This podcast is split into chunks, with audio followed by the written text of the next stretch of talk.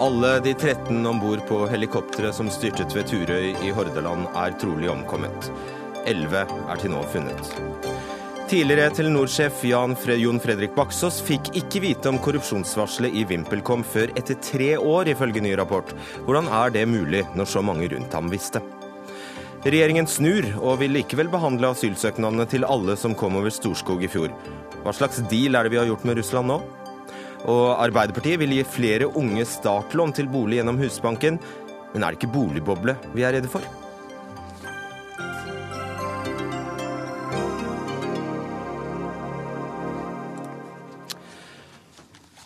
Klokka er 18, og du eh, hører på NRK P2 eller ser på NRK2. Dette er eh, Dagsnytt 18. Jeg heter Fredrik Solvang. Alle de 13 eh, som var om bord i helikopteret som styrtet på Turøy utenfor Bergen i formiddag, er antatt omkommet. Elleve personer er funnet, og politiet sier de antar at de to siste også er døde. Det var elleve nordmenn, én brite og én italiener blant passasjerene. Vi skal nå til eh, Statoil, som holder en eh, pressekonferanse akkurat nå. Vi skal høre direktør for norsk sokkel, Arne Sigve Nylund, som orienterer pressen ledes av Hovedredningssentralen. Og vi har stilt alle våre ressurser til disposisjon. Vår fokus nå går på å støtte redningsarbeidet og ivareta de berørte. Det er en dyp tragedie når 13 kolleger ikke kommer hjem. Familier er rammet. Kollegaer har mista kjære venner. Og fellesskapet på en plattform det er sterkt. Og savnet det er tilsvarende tungt. Vi har i dag sendt et helikopter med krisepersonell til plattformen.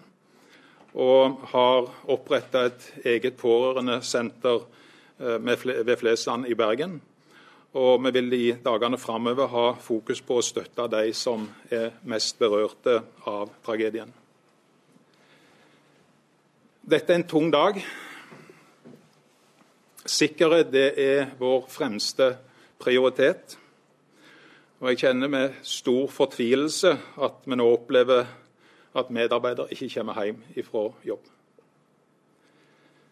I dag står en hel industri i sammen i sorgen med de som har mista sine kjære. Og vi vil i tida framover gjøre det vi kan for å støtte dem. Takk for oppmerksomheten. Takk skal du ha, Arne Sigve. Vi åpner for noen ja, Vi hørte altså Arne Sigve Nylund, eh, Statoils direktør for norsk sokkel. Leif Rune Løland, reporter i NRK. Du er på Turøy, Turøy utenfor eh, Bergen. Kan du beskrive stedet? Ja, jeg har jo sett det tidligere. Akkurat nå er vi litt lenger vekke fordi vi er blitt plassert litt vekk fra, av politiet. Men det er jo en liten holme i et uh, sund, et, et sund som går i forskjellige retninger her. Uh, der er det nå, ligger det fortsatt en del store skip uh, utenfor ulykkesstedet. Men eh, hva som skjer av eh, etterforsking og søk akkurat nå, det er vanskelig å vite på forhånd, eller på avstand her som vi står. Du har vært eh, i dette området, altså ved ulykkesstedet, i hele dag. Hvordan reagerer eh, folk på dette? Altså, folk er jo eh, selvsagt eh, veldig eh, forferda over det som har skjedd, og de har det jo tett innpå seg her.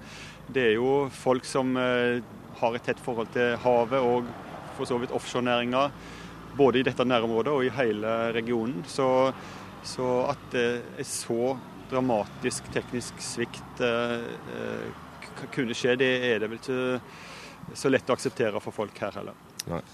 Leif Rune, du har ikke politiet med deg nå? Nei, altså politimesteren kom akkurat forbi i uh, sin bil. Han skulle i utgangspunktet være her, men han kjører nå ut for å gjøre seg kjent på staden. Og det er egentlig usikkert når han kommer tilbake hit, men han det er sagt at han skal uh, komme tilbake hit uh, for å holde en pressebrief litt seinere. Vi prøver å få han med, med da. Hva kan du si om redningsaksjonen i dag?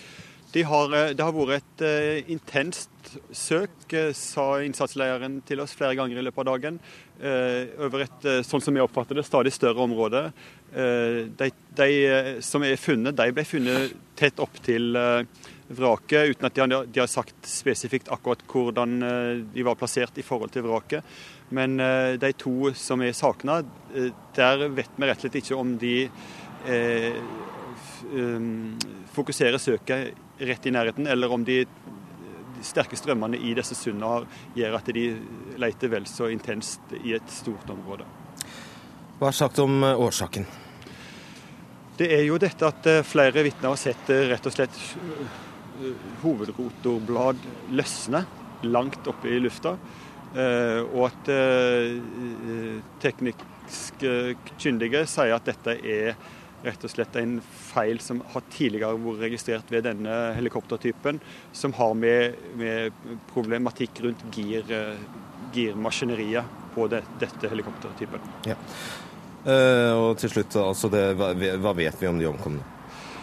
Vi vet altså nasjonaliteten på alle som var uh, i om bord. Uh, vi vet ikke, siden det er to sakene, så vet vi ikke nøyaktig, men altså det er elleve nordmenn og to utlendinger. Takk skal du ha, Leif Rune Løland. Så prøver vi å komme tilbake for å få med oss politiet. Jon Sekkingstad, øyenvitne. Du er ved barndomshjemmet på Tyrøy, mellom Sotra og Øygarden i Fjell kommune. Hva så du?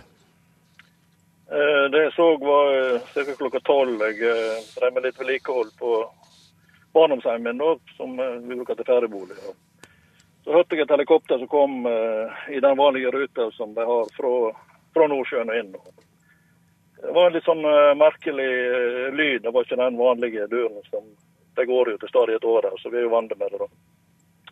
Så jeg kjekk opp for å se hva det var for noe. og Idet jeg kjekk opp, så løsna hovedrotoren fra helikopteret og forsvant, eller seilte nordover motsatt, eller til venstre, da, nordover. Og så gikk helikopteret inn i en, en styrt der det dreier mot høyre og nedover. og uh, det, På vei ned så, så det ut som det forsvant halerotoren òg, og det gikk rett ned.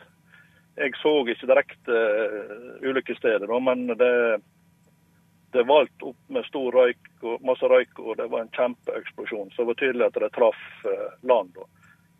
Men det var allerede flammer på helikopteret før det styrta. Det så ut som i det som du snakker om girsystemet, der som holdt rotoren, der var det allerede varmgang. Så det var åpne flammer der før, før det gikk, eller forsvant ut av syne for meg. da. Hvor lang tid, tid tok det da før du så helikopteret hadde problemer til, til du mistet synet? Nei, det gikk ikke mer enn sikkert ikke mer enn ti sekunder. Det var så fort gjort at det var helt utrolig. Jeg følte jeg så på en eller annen film. Det var en helt, helt utrolig opplevelse. Det var et mareritt, rett og slett. Det var helt, helt forferdelig å, å se. Altså. Det, var, det er sånn du, du, tror ikke at sånne ting skal kunne skje, da, men det var, det var helt forferdelig. Altså. Og det er en dramatisk dag for deg og familien din? Ja da. Det er jo, alle er jo berørt av sånne ting her i området. så det det er ikke noe, det er ikke noe positiv opplevelse. Nei. Det, var, det, er sånne ting som du aldri tror kan, kan skje, men det, det snudde i dag, ja. Takk skal du ha, Jon Sekkingstad. Reiner Johansson, Johannesson, unnskyld, statssekretær i Samferdselsdepartementet for Frp. Dere har selvfølgelig blitt holdt løpende oppdatert om situasjonen i dag. Hvordan har redningsaksjonen og beredskapen fungert? Dette, dette, er en sorgfull dag, og i dag så er det mange familier som kjenner på en bunnløs sorg. Det er, det er og, og, vi har, som du sa, blitt fortløpende orientert. Vi føler også at samarbeidet har fungert. Det er den informasjonen jeg har mottatt. At de tilgjengelige ressurser har blitt lagt til. Det er mange som har bidratt i dag. og jeg vil også si takk til Statoil, som har satt i gang og opprettet stort og profesjonelt apparat til å ta vare på, på de berørte, de pårørende. Helikoptertypen som styrtet, EC225L, har vært involvert i fem ulykker på fire år i Storbritannia. Nå har det fått flygeforbud av Luftfartstilsynet. Hva betyr det? Det var noe av det første vi gjorde i dag. Det var å sikre at disse fartøyene blir satt på bakken. Det var, det var viktig. Så er det sånn at Havarikommisjonen er på vei til ulykkesstedet. Og vi jobber også sammen med Luftfartstilsynet, og våre eksperter de skal komme til bunns i, i denne saken. Jeg, på, på, en dag som dette så vil det være mange spørsmål, uh, og vi skal søke svar. Fem ulykker på fire år. Skulle det tilsi at det burde vært satt på bakken tidligere? Vi vil følge denne saken opp eh, nøye eh, med både Havarikommisjonen, høre hva de sier, og Luftfartstilsynet. Komme til bunns i denne saken. Og som jeg sa, det er, eh, vil være mange spørsmål. Vi sitter også med mange spørsmål. Det er en forferdelig dag. Og vi skal gjøre det vi kan for å finne svar på alle disse. Takk skal du ha, Reiner Johannesson. Vi legger til at kongeparet og kronprinsen avlyser turen til Sverige for å feire kong Carl Gustavs 70-årsdag og sender sine kondolanser. Så langt om ulykken. Dagsnytt 18 alle hverdager kl 18.00 på NRK P2 og NRK2.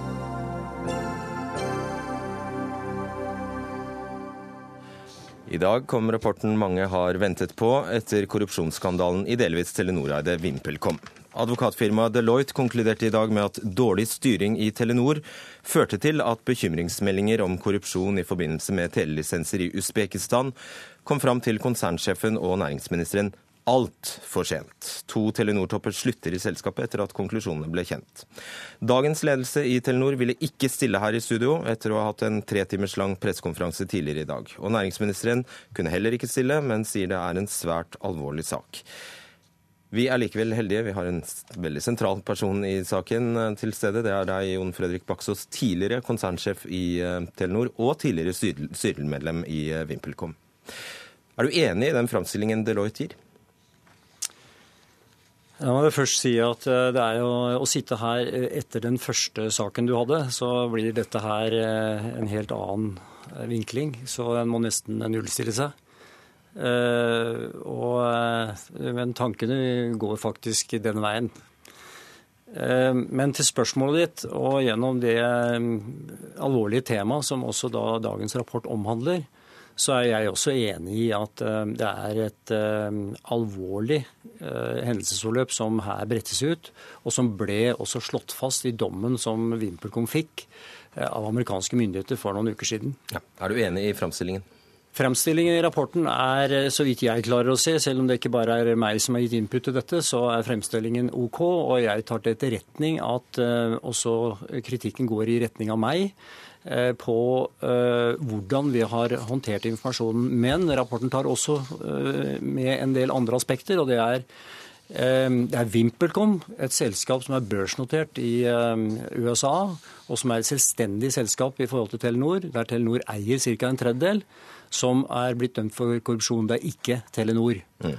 Det skal være klart for oss. Og det er informasjonshåndteringen som denne rapporten eh, konsentrerer seg om. I deler av 2011 satt du i VimpelCom-styret. Dette varselet om korrupsjon kom i det samme året, i 2011. Og da kom det til styremedlemmene Fridtjof Rusten og Ole Bjørn Skjulstad det samme året altså. Du fikk aldri samme informasjon? Nei, er ikke, du er ikke helt riktig på navnene her nå. Eh, for da russen satt ikke i styret på det tidspunktet. Ok, To, styremedlemmer, to, to andre styremedlemmer, da. Ja. Men eh, jeg fikk ikke den tilgangen eh, til den informasjonen som da gikk att og fram i systemet i 2011. Og det slår rapporten fram fast, og sånn var det. Når fikk du vite? Jeg fikk vite det i mars 2014 i mars 2014. I stortingshøringen i januar i fjor sa du selskapet Takilant ble egentlig kjent for oss så sent som i 2012, da oppmerksomheten ble rettet mot Telia Sonera.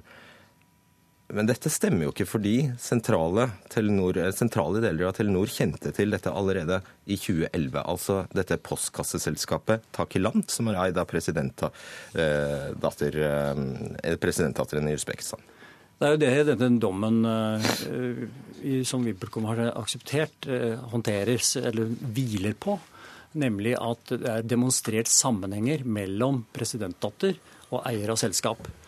Eh, og det, er jo egentlig varsleren som har fått frem denne informasjonen. Han kommer fra en etablert posisjon i Telenor, har kunnskap, og gjennom sin kunnskap og ekspertise så er han altså utplassert i, VimpelCom på oppdrag og avdekker disse forholdene og varsler om det. Det, ja. Eh, og, og, og det, er gangen, det er jo gangen det. Er jo Telenors reflekser Det er som greit. på en måte våkner til liv yep. når vi har en, en utplassert i VimpelCom. Yes, det stemmer. Og det som da skjer, er at eh, du sier i, i høringen at uh, vi, eller du, for å sitere deg, selskapet Takilant ble egentlig kjent for oss så sent som i 2012. Men så viser det seg altså, og det står i Deloitte-rapporten, at det var i 2011 at mennesker rundt deg fikk vite dette. Innenfor begrepet oss så har du rett i det. Hvorfor og jeg, jeg er også helt enig i at jeg burde hatt denne informasjonen tidligere. Mm. Og så eh, kan ikke jeg 100% si med sikkerhet hvordan det ville blitt håndtert, men det ville blitt håndtert annerledes, og vi ville fått en annen reise. Hvorfor sa du og oss på dette punktet er jeg, er jeg, er jeg rede. Jo, når vi gikk i høringen i Stortinget, så hadde jeg vært i avhør med nederlandske og amerikanske myndigheter på etterforskning som vitne. Og det siste jeg hørte eh, i avslutningen av det vitneavhøret, det var at eh, her ble du pålagt taushet om eh, disse forholdene. Og eh, for mitt vedkommende var det viktig å eh, egentlig selvsagt at når, selv, når saken var brakt til etterforskning, så er det etterforskningen som skal finne ut av forholdene, og at vi ikke da skulle samarbeide med myndighetene på dette punkt, det ville også blitt Men merkelig. sier du nå at du snakket usant til Stortinget fordi du skulle holde deg, eh, inn, eh, holde deg innenfor en taushetsplikt? Jeg snakket ikke usant til, øh, til Stortinget, men det er helt riktig at vi ikke tok med oss informasjonen som, som var, lå i dialogen mellom oss og etterforskende myndigheter. Eh, bare ta det med din posisjon. Altså, du stiller deg da selv ved å gå inn som konsernsjef i eh, Telenor, gå inn i styret i datterselskapet eh, VimpelCom, så stiller du deg egentlig i en posisjon der du ikke kan få informasjon fra deg. Nei, VimpelCom er ikke et datterselskap. VimpelCom er et eh, selskap som Telenor eier en, cirka, en, tre, en, tredjedel, en tredjedel i. Så det er ikke et datterselskap. Et selskap Eh, Telenor eier, da. Ja, og, eh, og du har helt rett i at ja, man stiller seg i en situasjon som øh, kan gi øh, øh, interessekonflikter. Og det var vi klar over. Men nå må vi også huske på at vi hadde hatt en veldig lang reise med våre investeringer i Russland og VimpelCom spesielt opp gjennom årene, som var full av konflikter. Og det å etablere selskapet i 2010 var også en ny start, der partnerne skulle egentlig eh, begynne på nytt. Ja, jeg... Men igjen så endte vi jo i ganske store konflikter med dem eh, ganske fort. Og eh, vi var veldig nøye på etter konfliktene fra 2004 til 2010 å ikke blande informasjonsstrømmen som gikk i det ene børsnoterte selskapet, med Ja, det du egentlig prøvde å si der, var at Michael Friedmann, altså det, den andre eieren av VimpelCom, hadde, har jo Telenor hatt en lang historie med konflikt om.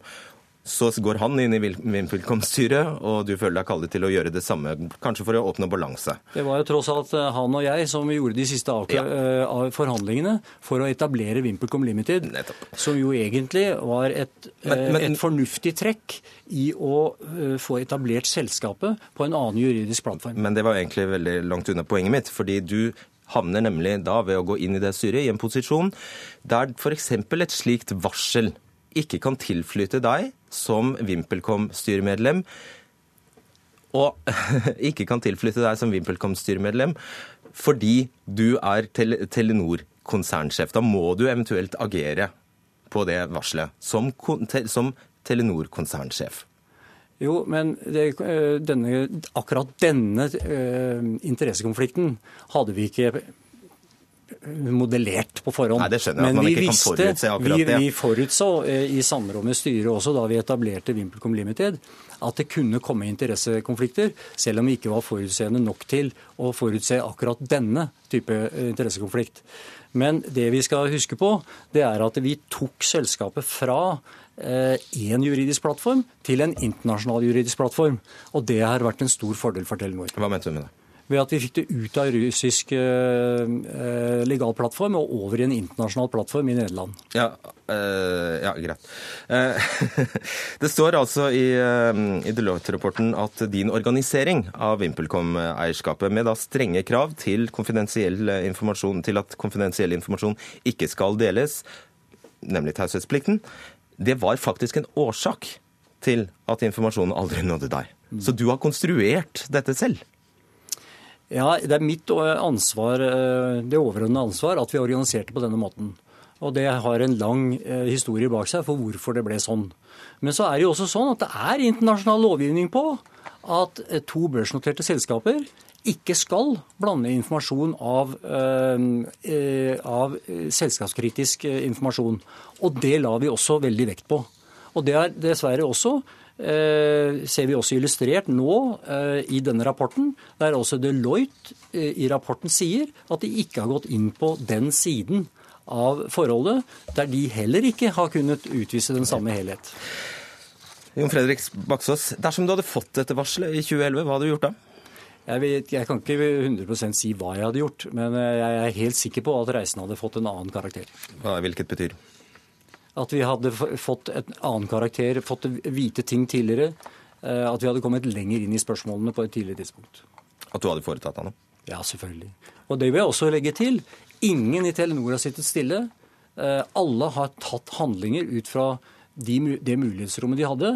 Eh, helheten i det kunne vi ha utført, utført, bedre, og tempoet i det kunne vi ha utført bedre. Det er jeg enig i.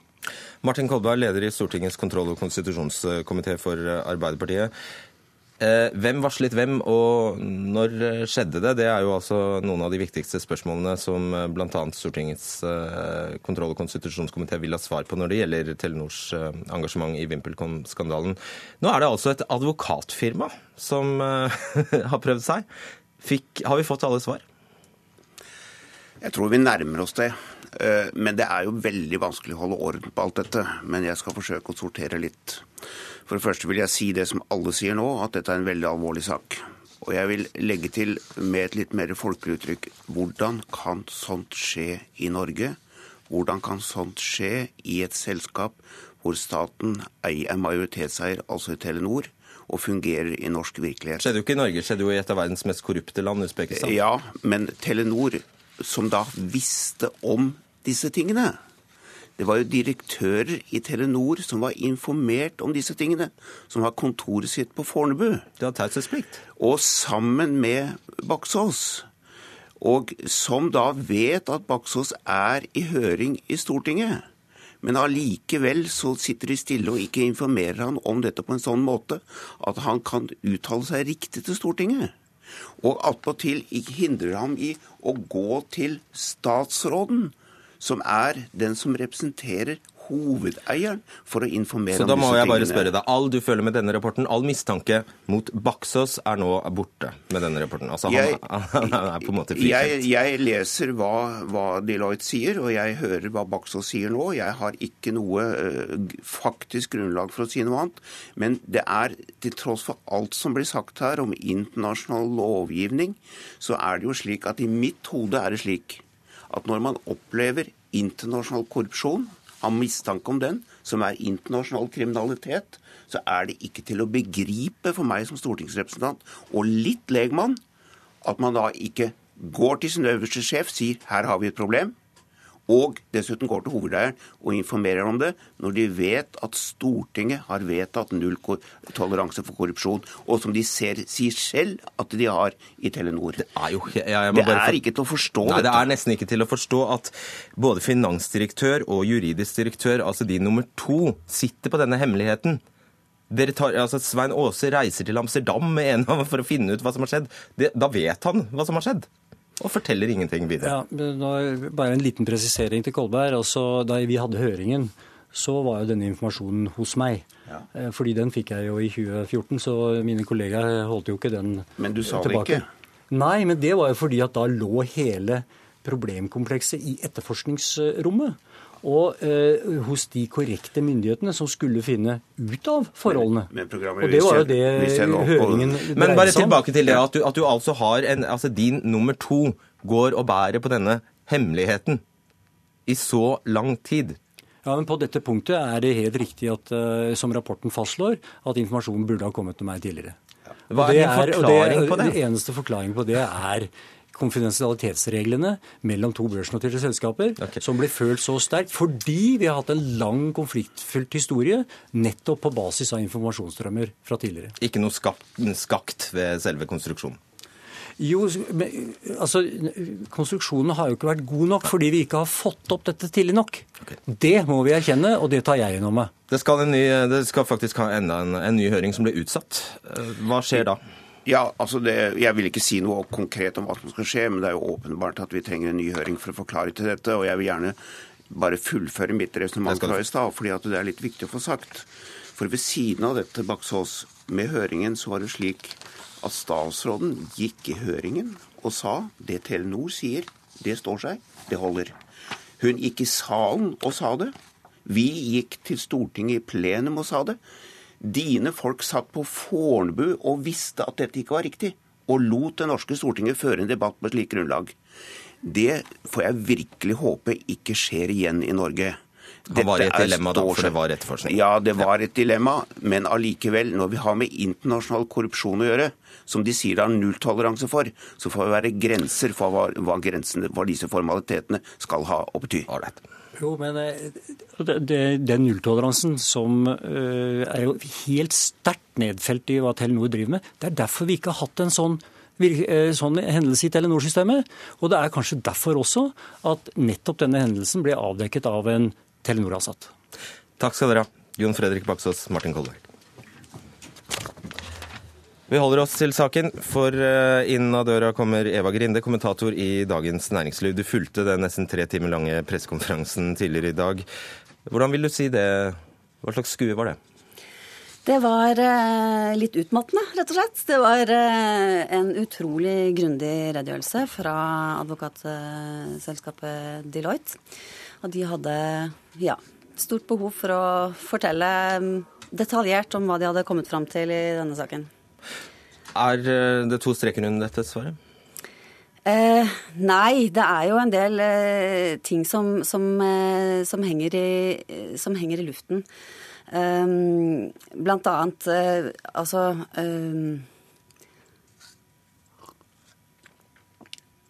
de forteller jo ikke hvordan man skulle ha gjort det istedenfor. Altså de, de peker på, Deloitte peker på en del problemer, ikke minst med det med, med forskjellen i strukturen mellom, mellom, eh, Telenor og VimpelCom.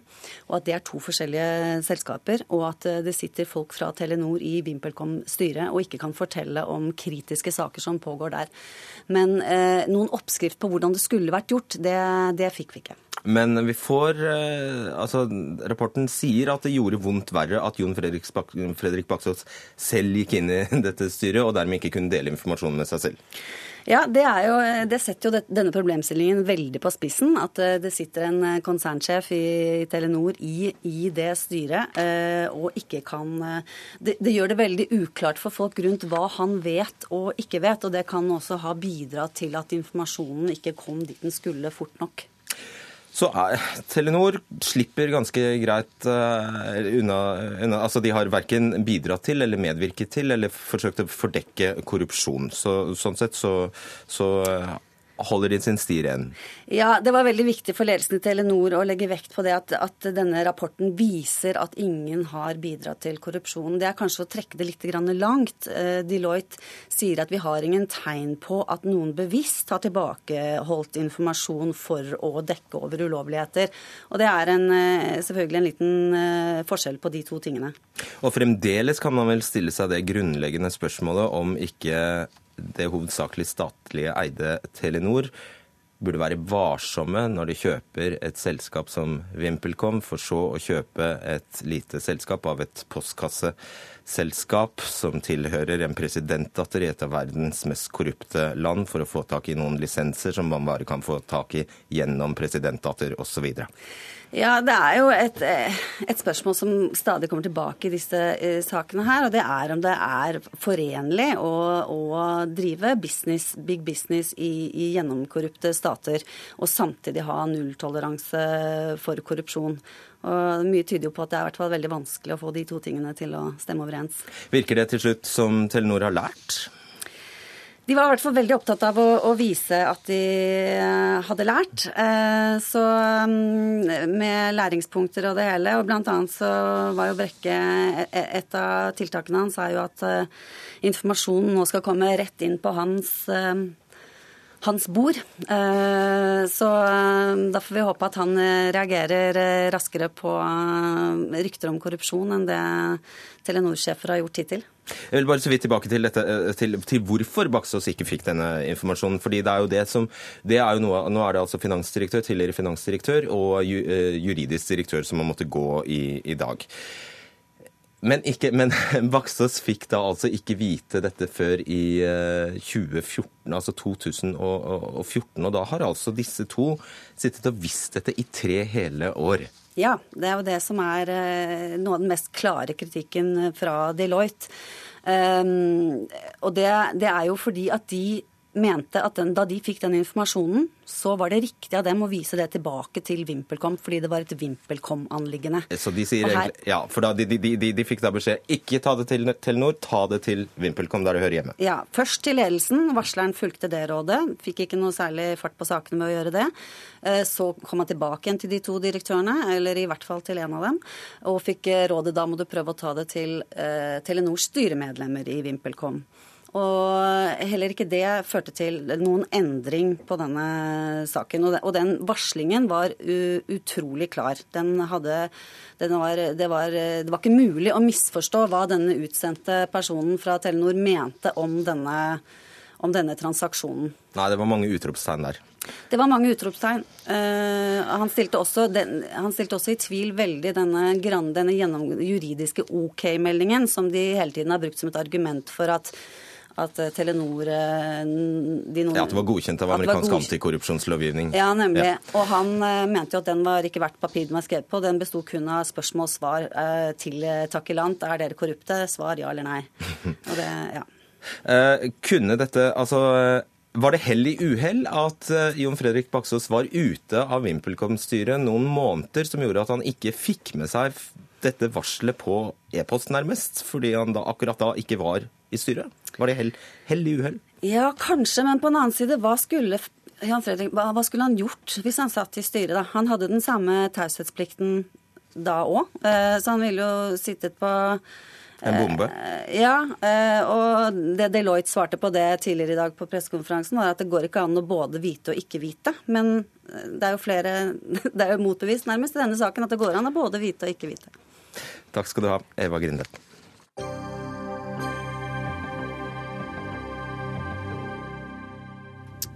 Ja, da skal vi tilbake til eh, Det skal vi ikke. Vi skal eh, nå snakke om at eh, det har vært en travel dag i Justisdepartementet. For først kom altså meldingen om at regjeringen snur og likevel vil realitetsbehandle alle asylsøknader fra personer som kom over grensa ved Storskog med russisk engangsvisum. Og Årsaken er at Russland nekter å ta imot asylsøkere med engangsvisum, enten dette har utløpt eller ikke. Og Dernest kom meldingen om at et 200 meter langt gjerde reises ved grensestasjonen. Justisminister Anders Anundsen kaller det et sikkerhetsgjerde, og sier hensikten er å styrke kontrollen med Schengen, Schengens yttergrense mot Russland. Marit Berge Røsland, statssekretær i Innvandrings- og integreringsdepartementet for Høyre. Hvorfor vil nå likevel regjeringen realitetsbehandle alle disse søknadene? Det vi har sett, er at eh, vi har fått til en del returer. Det har vært eh, veldig viktig. Vi har fått stanset tilstrømmingen eh, over Storskog. Hvor mange returer har du fått til? Ca. 260 av de som søkte asyl. Det var ikke så mange. Men det vi har sett, er jo at vi i dialogen med Russland har konstatert at vi er ikke enige når det gjelder disse med engangsvisum, om vi har rett etter denne avtalen å sende de tilbake til Russland.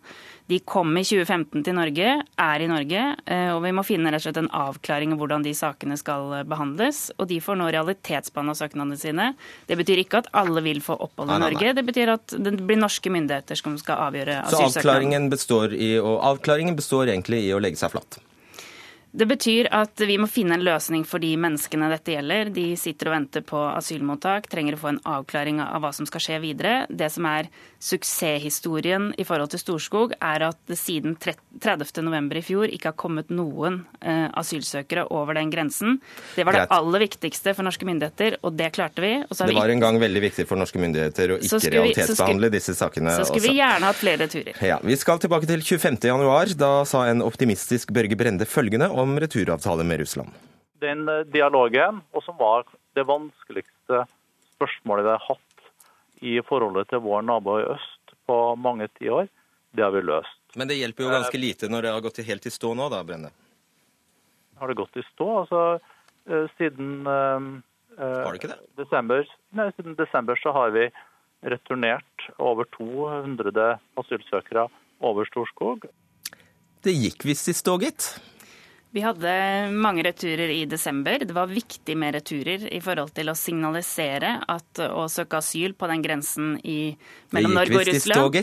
Eh, så så vi alle hva som skjedde i januar. Det var vanskelig. Eh, vi fikk eh, vanskeligheter med returer. Det har vært også vanskeligheter med returer nå siden det tidspunktet. Ja, da, jeg er Men, veldig nysgjerrig på hva dere har gjort. Har dere sittet og forhandlet hver eneste dag med Russland? Har dere bare ventet? Hva har, hva har skjedd alle disse månedene? Vi har forsøkt returer av de med permanent opphold i Russland og de med multivisum. Eh, det har vært vår første prioritet, for der hadde vi en enighet med Russland om at det skulle vi få til. Så har det også vært vanskelig nå i det siste med disse med multivisum så vi får ikke til så mange returer nå som det vi skulle ønske. Denne gruppen med engangsvisum har det eh, lenge vært klart at vi er uenige med Russland i forhold til de som har utløpt Det én? Det har vært klart uh, en stund. Uh, og vi hadde ønsket å få til noen returer av dem. Det konstaterer Det er dem, det er dem Børge Brende snakker om, det, vet du. Da han avviser at ting har gått i stå. Det er de med engangsvisum man snakker om? Jeg kan ikke si at jeg tolket Børge Brende på samme måte. Men, men, men, det som er viktig å, fremholde i forhold til Russland, er at vi er begge enige om at å ha en stor ny migrasjonsrute i det området, som vi opplevde i fjor høst, ja, det, det ønsker vi ikke. Eh, så må vi håndtere de som har kommet, på en ordentlig måte. Skjalg Fjellheim, kommentator i Nordlys, du jobbet mye med Storskog-saken i vinter. Hva er din reaksjon på at regjeringen har snudd i forhold til å realitets... Eller det heter ikke i forhold til, det heter hva har snudd når det gjelder å realitetsbehandle asylsøknadene. Det, er jo ingen overraskelse. Det har vært klart helt siden tidlig i januar at eh, Russland ikke ville ta tilbake de som eh, kun hadde engangsvisum, altså en gruppe på vel 4800 personer. Altså, Russland er ikke kjent for å forhandle om fortiden. Eh, og Man kan jo spørre seg Norge hadde reelt sett ikke noe valg da Russland ga, ga denne beskjeden tidlig i januar. Eh, og, og, så kan man da lure på hvorfor ikke regjeringa har tatt denne beslutninga tidligere. Altså Det er jo åpenbart at dette ville bli utfallet, og her har det altså vært tusenvis av personer. Mange av de har jo, eller Noen av dem har jo allerede forsvunnet fra mottak, men det er altså mange som har sittet ved mottak nå i månedsvis eh, i påvente av en nokså opplagt beskjed. Og her eh, har, kan man vel ikke si at regjeringa har tatt signalene fra Russland på en særlig god måte. Det er oppsiktsvekkende å, å høre at man fortsatt går rundt og innbiller seg at man skal kunne få til en, en dialog med Russland om tilbakesendelse av denne gruppa. Jeg skal bare supplere med litt eh, tall, eh, tall her, eh, Fjellheim. Ca. 4800 av 5500 søkere som kom over Storskog i høst, hadde enten enkeltvisum eller ulovlig opphold i Russland, Russland visum utgått på tid. Og som du sier, av disse har 1000 nå forsvunnet. Røsland, hvor er de? Det kan ikke jeg svare på. Vi vet at eh, UDI, så vidt eh, vi har fått opplyst, har henlagt omtrent 900 saker. Og Det kan skyldes at de har reist videre, eller at de har trukket søknaden. At, eh, at de rett og slett har funnet på noe annet enn å det være asylsøker i Norge. Betryggende å ikke ha kontroll på 1000 asylsøkere, eller? Det er ikke sånn at vi kan holde kontroll på alle norske asylsøkere. Det er frivillig å bo på mottak. Det er ikke sånn at vi passer på alle. Vi har de ikke internert. De kan reise fritt rundt i Norge eller forlate Norge. Så sånn vil det være. Og noen kom sikkert til Norge med forhåpninger om hvordan dette livet her skulle bli, og opplevde vel kanskje det å sitte da på et mottak og vente som noe annet enn det de var forespeilet av de som eventuelt eh, organiserte den reisen for dem. Eh, Fjellheim, hvis du skulle prøve deg på en oppsummering, hva har regjeringen fått igjen for den handlekraften eh, som ble forsøkt vist i 40 kuldegrader i vinter, da man altså forsøkte å sende dem tilbake med buss til Russland? Ja, utrolig lite. og Hvis vi nå ser på det som har skjedd i dag, der de kommer med dette gjerdet, som jo da er en fiffig måte å forsøke å å, å unngå fokus på at regjeringa har lidd nederlag når det gjelder tilbakesendelse av denne gruppa til Russland. Dette gjerdet er jo en merkelig sak. Tenk på, altså Asylsøkere kommer fra Russland. De passerer kontrollposter, eh, eh, eh piggtråd, eh, i Europas best bevoktede militære område. Og så skal man altså innbille seg at det er et gjerde som er 200 meter langt og 3,5 meter høyt som skal stanse en eventuell framtidig asylstrøm fra Russland. Hvor langt var det, sa du? Ja, det er jo 200 meter 200 meter, og, og grensa er to mil? Ja, to, grensa er 196 km, og det finnes ikke noe gjerde der i dag. Så dette er et politisk gjerde som Fremskrittspartiet og Anundsen har, har, satt opp i dag, kun av, ja, for å skape et inntrykk okay. av handlekraft, etter min oppfatning. Russland, det er kanskje Russland som betaler for dette gjerdet? Det, det er ikke det som er realiteten. Jeg vil også arrestere på i forhold til har dette vært vellykket eller ikke. Altså, det har ikke ikke kommet asylsøkere over den grensen siden, Nei, så hva siden, november, da? siden november i fjor. Da? jo, men Poenget er at denne ruta kunne blitt en stor ny migrasjonsrute inn i Schengen-området. Den klarte vi å stanse. Hva er vitsen med gjerdet? Og det var det viktigste. Hva er, med, hva er poenget med gjerdet? Poenget med gjerdet er at dette er en Schengen-intergrense. Hvis det blir en ny tilstrømming, så må vi kunne ha en grensestasjon som fungerer godt i en situasjon med mange ankomster. Og dette, et 3,5 meter høyt gjerde på 200 meter. Jeg registrerer også at politimesteren i Finnmark mente dette var et godt tiltak. Vi trenger å ha en god, grenses, okay. god grensestasjon som fungerer i en sånn situasjon. Ålreit. Brynjulf Risnes, advokat med oss på telefon fra Gardermoen. Du har jo spesialisert deg på asylsaker, og du var med her i Dagsnytt 18 i januar, og da sa du at det er norske politikeres skyld at det ble stans i returavtalen med Russland. Står du ved det fortsatt? Absolutt. Altså, for de som følger den situasjonen, så har det vært klart siden 2007 at dette var umulig. Altså, det står tindrende klart i avtalen med Russland at for at man skulle returnere personer til Russland, så må de ha lovlig opphold i Russland. Og Det har man åpenbart ikke når man har et utgått engangsvisum. Så absolutt alle har skjønt dette hele tida, og dette har også egentlig regjeringen skjønt for lenge, lenge siden. Nå bare av politiske hensyn, av PR-messige hensyn, venta med å måtte, trekke konklusjonen. Så, Hva slags var, gevinst har regjeringen fått av å vente?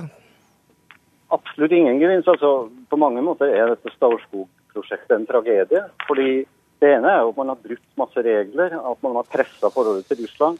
Man har prøvd å sende folk tilbake som åpenbart ikke kunne stå tilbake til stor irritasjon for Russland. Men så ser man altså i sluttresultatet at man har ikke oppnådd noen ting. Altså Man har brukt store ressurser lagt seg ut med internasjonale organisasjoner og Russland og pådratt seg veldig mye kritikk i mange forum. Og for ingenting. Ok, Røsland. Det, det, er veldig mange enkle analyser av dette i forhold til at vi har ikke oppnådd noen ting. Altså, det var en krise i fjor høst i forhold til at vi så at det kom et historisk antall asylsøkere over en grense. Men nå kom, antyder du på, at du har gjort en deal med Russland om at ja, Norge behandler har, disse 4000 søknadene mot at dere tetter grensa. Har, har, dere det? Det har jeg ikke antydet, okay. og det var, de, det var, dine ord. Ja. Men altså, at, at, dette er en fiasko når situasjonen var at vi ønsket å få til tiltak som fikk kontroll på situasjonen. Vi fikk kontroll på situasjonen. Det kom ikke asylsøkere. Du snakker om noe annet. Vi snakker om at dere nå da, velger å men, realitetsbehandle men alle søknadene. Så er det spørsmål alle de som kom i 2015, nesten alle kom før den instruksen vi ga. Så det var personer som allerede hadde kryssa den grensa. Russland sier vi tar det ikke tilbake. Eh, og da må vi finne en løsning på det, og det er det vi nå gjør. Risnes. Men det er jo bare tull å si at regjeringa var med på å stoppe den flyktningstrømmen. For det første så var jo flyktningstrømmen nesten stoppa før instruksen kom. Og For det andre så er det åpenbart at det at flyktningstrømmen stoppa, ikke har noe med norske tiltak å gjøre i det hele tatt. Men, det, det, det er ja, det er du selvfølgelig uenig i. Risnes, det er bare et uh, siste spørsmål til deg. Dette, det er jo egentlig helt urimelig at når Russland, altså når Russland sier at dette er eh, visum som, som, disse menneskene har fått på ulovlig, til dels ulovlig vis. Eh, de har snusket seg til, eh, til visum. Og så skal Russland i sin tur, altså etter at de har kommet seg inn i Norge, nekte å ta, ta, ta dem tilbake. Det er jo helt urimelig. Det er ikke det, fordi dette er jo litt enklere enn så. Dette er jo engangsvisum. Altså Når du har reist gjennom Russland, så har du da ikke lenger visum til Russland. Etter mitt syn er så enkelt som to pluss to er fire. Ja, Men det er jo russere som har gitt dem disse visumene. Nettopp. Og det var jo det som var norske myndigheters utgangspunkt inn i dette også. At de hadde fått et visum fra Russland. Og hvilket land skal da behandle eventuelt en asylsøknad? Mest naturlig at det er det landet som har gitt et visum til den personen. Hva som er mest naturlig, er jo ikke så interessant, for det står jo tindrende klart i avtalen med Russland at hvordan dette skal reguleres. Da, ut fra den avtalen var det åpenbart at Russland ikke var forpliktet til å ta dem tilbake. Skjalg Fjellheim, eh, tror du, eh, tror du migrantene kan komme seg inn i Norge likevel, til tross for dette kraftige gjerdet? Ja, altså Hvis det kommer 10 000 mennesker fra Nord-Afrika, så vil det ikke være noe problem for dem å gå rundt et gjerde som er 200 meter lang, hvis de ønsker det. Men det er jo i grunnen ikke poenget. Poenget her er jo at det skapes et inntrykk av at det var Norge som løste denne situasjonen ved Storskog i fjor høst. Det er jo en illusjon å tro at Norge skal, hadde løst denne situasjonen eh, alene. Denne situasjonen ble løst fordi at eh, russiske myndigheter eh, også ønsket det. Det var i deres interesse, og at de ikke slapp tusenvis av mennesker fram til den norske grensa. Det er ingenting som tyder på nå på at denne situasjonen vil gjenta seg utover eh, våren og sommeren. Okay. Det er i hvert fall helt Nå var det tre, tre på en gang her. Eh, Veldig kort, Risnes. Ja, altså, Jeg er helt enig med Skjalg Helle, men at det er åpenbart at ikke norske myndigheter stoppa den strømmen. Altså, Strømmen var i ferd med å stoppe. og Det er åpenbart at uh, russiske myndigheter kontrollerer dette. Okay. denne, er også enig i analysen hele dette gjerdet. Altså, det er jo å si det litt respektløst bare tull. fordi det er jo ikke kontrollhensyn som har vært Det har aldri vært problem med kontroll. og denne grensen. Det har aldri vært folk som har løpt over grensen. Så, så, dette er jo på en måte et tiltak som ikke har noe formål. Altså, jeg, er enig, ja, jeg er enig i at det var en kombinasjon av vårt forhold til Russland og lovendringer og instrukser som gjorde dette mulig. Men det var altså helt sammenfall i tid når vi ga vår instruks, og det var møte med norske myndigheter og russiske myndigheter, at vi stoppet hele tilstrømmingen. Så dette har en sammenheng. alt-. Greit. Hvorom allting er, eh, allting er, UDI får i hvert fall ca. 4000 nye søknader å realitetsbehandle. Takk skal dere ha, Marit Berger Røsland, Brynjulf Risnes og Skjalg Fjellheim.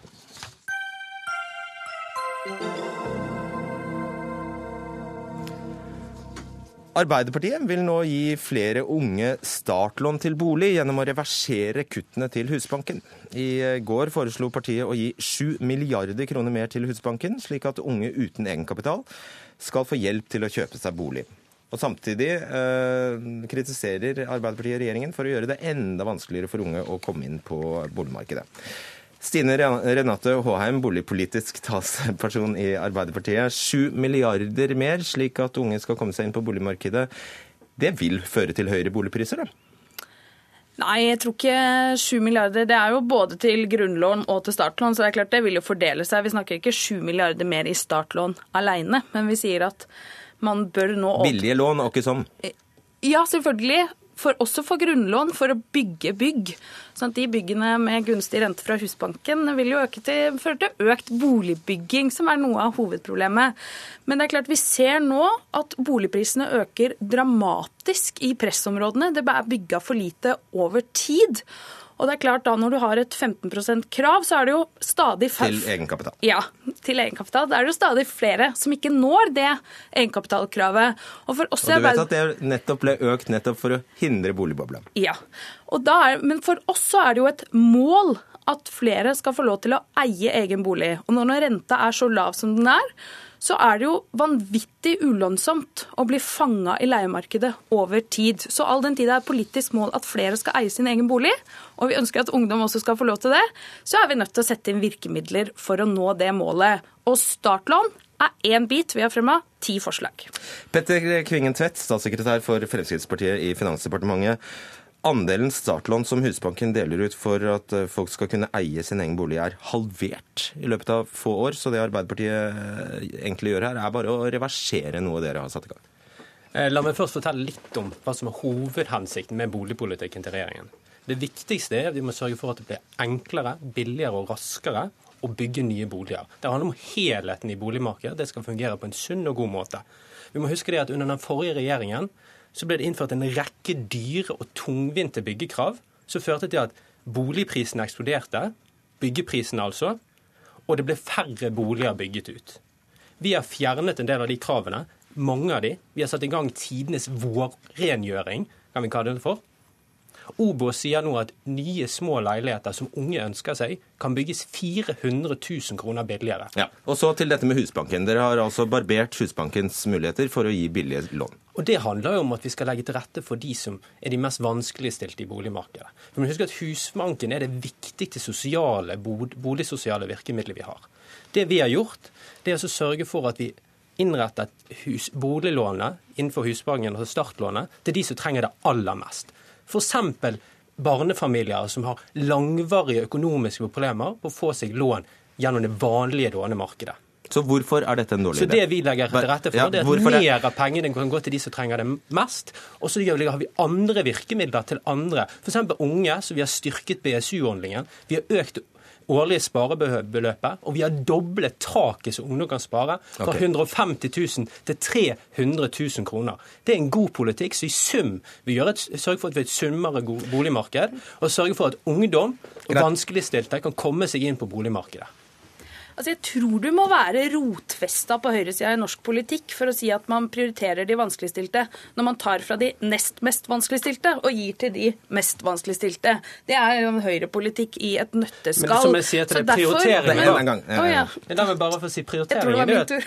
Prioriteringen var jo at vi har han har brukt pengene Nei. på andre tiltak. Ja, det er det de har gjort. fordi at De har kutta lånerammen i Husbanken med 7 milliarder kroner. De har kutta i bostøtten, som går til disse barnefamiliene du snakker om, til de som er aller vanskeligstilte. Så de har gjort en rekke, altså systematiske kutt på det som er boligsosialt arbeid og politikk. Og, så Vi er ikke bare bekymra for ungdom, vi er bekymra for veldig mange nå som blir fanga i leiemarkedet, som ikke får mulighet til å komme seg inn på boligmarkedet. Og det er da vi sier man kan godt snakke om tekniske krav og hele den biten, men hovedproblemet i pressområdene er at det bygges altfor lite. Så da... Prisene i Oslo nå spås å øke med 10% i år. og Da sier vi da er vi nødt til å sette inn tiltak. Da er vi nødt til å styrke Husbanken. Vi er nødt til å gå inn med mye mer penger til bymiljøavtaler, sånn at vi får bygd kollektivtrafikk Et av de problemene Arbeiderpartiet adresserer som skaper dette behovet for økte rammer til Husbanken, er at egenkapitalkravet er satt til 15% som gjør at veldig mange unge ikke får råd til å kjøpe sin egen bolig. Det er et løfte fra Frp å senke det egenkapitalkravet. Når har dere tenkt å gjøre det? Det vi har gjort, er å innfri det vi sa. Vi har sørget det? for at vi har gått fra et firkantet egenkapitalkrav, som ble satt av den forrige regjeringen, til et fleksibelt egenkapitalkrav.